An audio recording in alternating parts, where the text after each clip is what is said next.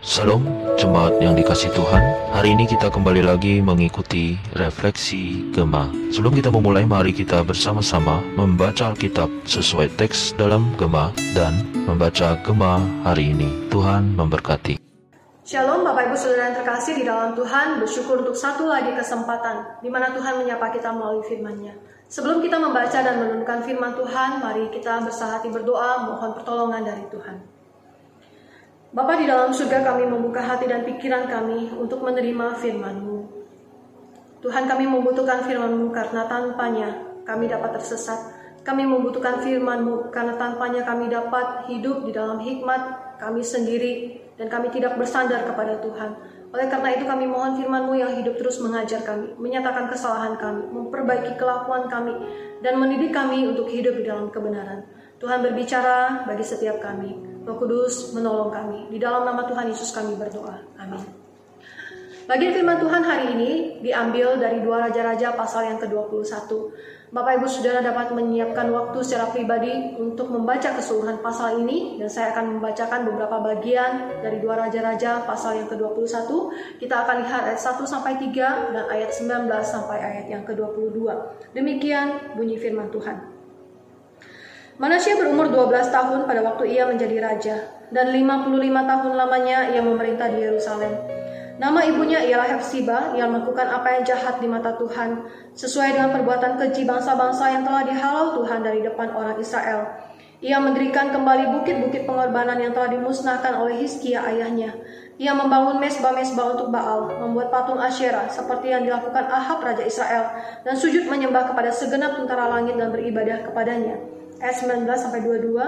Amon berumur 22 tahun pada waktu ia menjadi raja dan dua tahun lamanya ia memerintah di Yerusalem. Nama ibunya ialah Mesulemet binti Harus dari Yotba.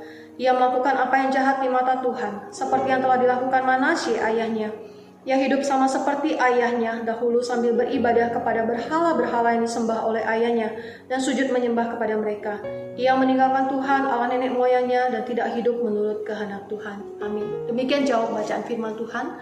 Bapak Ibu Saudara terkasih di dalam Tuhan, kisah ini memberitahukan kepada kita ada dua raja Yehuda yang jahat, yaitu Raja Manasye dan Raja Amon. Mereka adalah keturunan dari Raja Hizkia yang baik. Raja Hizkia adalah raja Yehuda yang saleh dan hidup takut akan Tuhan.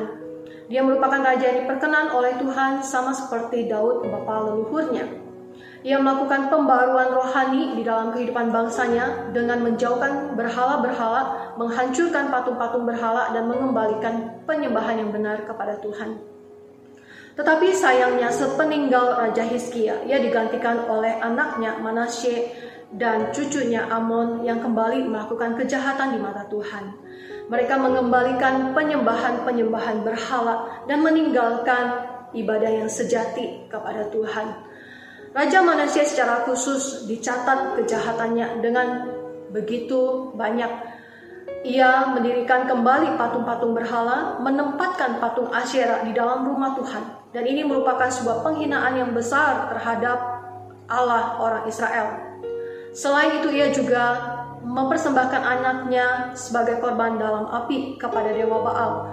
Dia melakukan ramal dan telaah memanggil para arwah dan juga melakukan banyak kejahatan dengan menumpahkan darah orang-orang yang tidak bersalah. Kejahatan Raja Manasye begitu hebat, begitu luar biasa. Sebagai seorang pemimpin di Yehuda, dengan masa kepemimpinan yang paling panjang yaitu 55 tahun. Dia menyesatkan rakyat Yehuda untuk melakukan dosa dan meninggalkan Tuhan. Bapak Ibu, Raja Manasye mendapatkan predikat sebagai raja yang paling jahat di dalam sejarah Israel. Dari bagian ini kita melihat bahwa dosa mempunyai satu dampak yang sangat buruk tidak hanya bagi diri sendiri tetapi juga bagi orang lain. Tidak hanya bagi pemimpin itu sendiri, tetapi juga bagi orang yang dipimpinnya. Ini yang digambarkan di dalam kehidupan Raja Manasye. Oleh karena itu, Bapak Ibu Saudara yang terkasih di dalam Tuhan, firman Tuhan ini mengingatkan kita bahwa kita harus hati-hati terhadap dosa. Karena dosa mempunyai satu konsekuensi yang sangat buruk bagi diri sendiri dan juga bagi orang lain. Apa yang dapat kita renungkan dari bagian firman Tuhan ini? Yang pertama, seorang pemimpin adalah seorang yang memberikan pengaruh. Apakah kita adalah seorang pemimpin? Jika kita adalah seorang pemimpin, pengaruh seperti apa yang kita tinggalkan kepada orang-orang yang kita pimpin? Jika kita merupakan pemimpin di tengah-tengah keluarga, di tengah-tengah masyarakat, atau di lingkungan kerja, atau di dalam gereja, Bagaimanakah kehidupan kita? Apakah kehidupan kita memimpin orang lain semakin dekat kepada Tuhan, semakin mengenal Tuhan? Ataukah melalui kehidupan kita, kepemimpinan kita, kita memberikan dampak yang buruk dan membuat orang lain semakin jauh dari Tuhan? Mari kita mengevaluasi kembali kepemimpinan setiap kita. Hal yang kedua, jika kita adalah orang-orang yang dipimpin, apakah kita mengingat para pemimpin kita? Kita perlu berdoa bagi pemimpin kita supaya mereka diberikan hati yang takut akan Tuhan, supaya dengan hikmat Tuhan mereka dapat menjalankan kepemimpinan mereka dengan baik, memberikan dampak yang baik kepada orang-orang yang mereka pimpin. Bapak Ibu Saudara, mari kita pikirkan ketika kita mengakhiri hidup kita di dunia ini, apa yang orang lain lihat tentang hidup kita? Apakah mereka akan mengenang kita sebagai seorang pemimpin yang baik? Yang telah mengajarkan jalan yang baik, yang memberikan pengaruh yang baik, ataukah mereka akan mencatat kita sebagai seorang pemimpin yang buruk, pemimpin yang jahat, yang menimbulkan dampak yang buruk kepada orang-orang lain.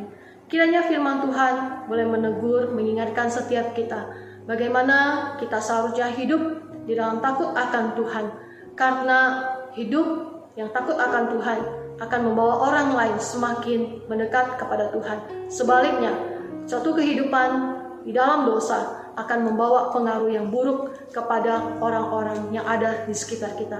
Kiranya Tuhan menolong setiap kita. Mari kita berdoa. Tuhan kami berterima kasih untuk firman-Mu yang telah kami baca, yang telah kami renungkan. Terima kasih untuk pelajaran dari sejarah yang Tuhan berikan kepada kami mengingatkan kami tentang betapa buruknya kehidupan di dalam dosa tidak hanya berdampak buruk kepada diri kami sendiri, tetapi juga kepada orang-orang yang ada di sekeliling kami. Tuhan kami rindu kehidupan kami dapat menjadi kehidupan yang membawa dampak yang baik kepada orang lain. Tuhan tolong kami di dalam segala kelemahan kami, di dalam segala kerapuhan kami untuk jatuh di dalam dosa. Roh Kudus yang menguatkan kami.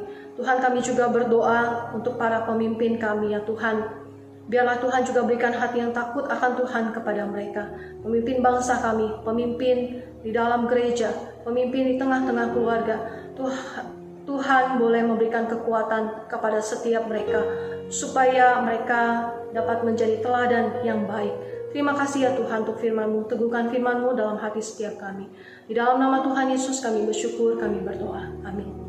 Tuhan memberkati firman-Nya, Tuhan memberkati Bapak Ibu sekalian. Shalom.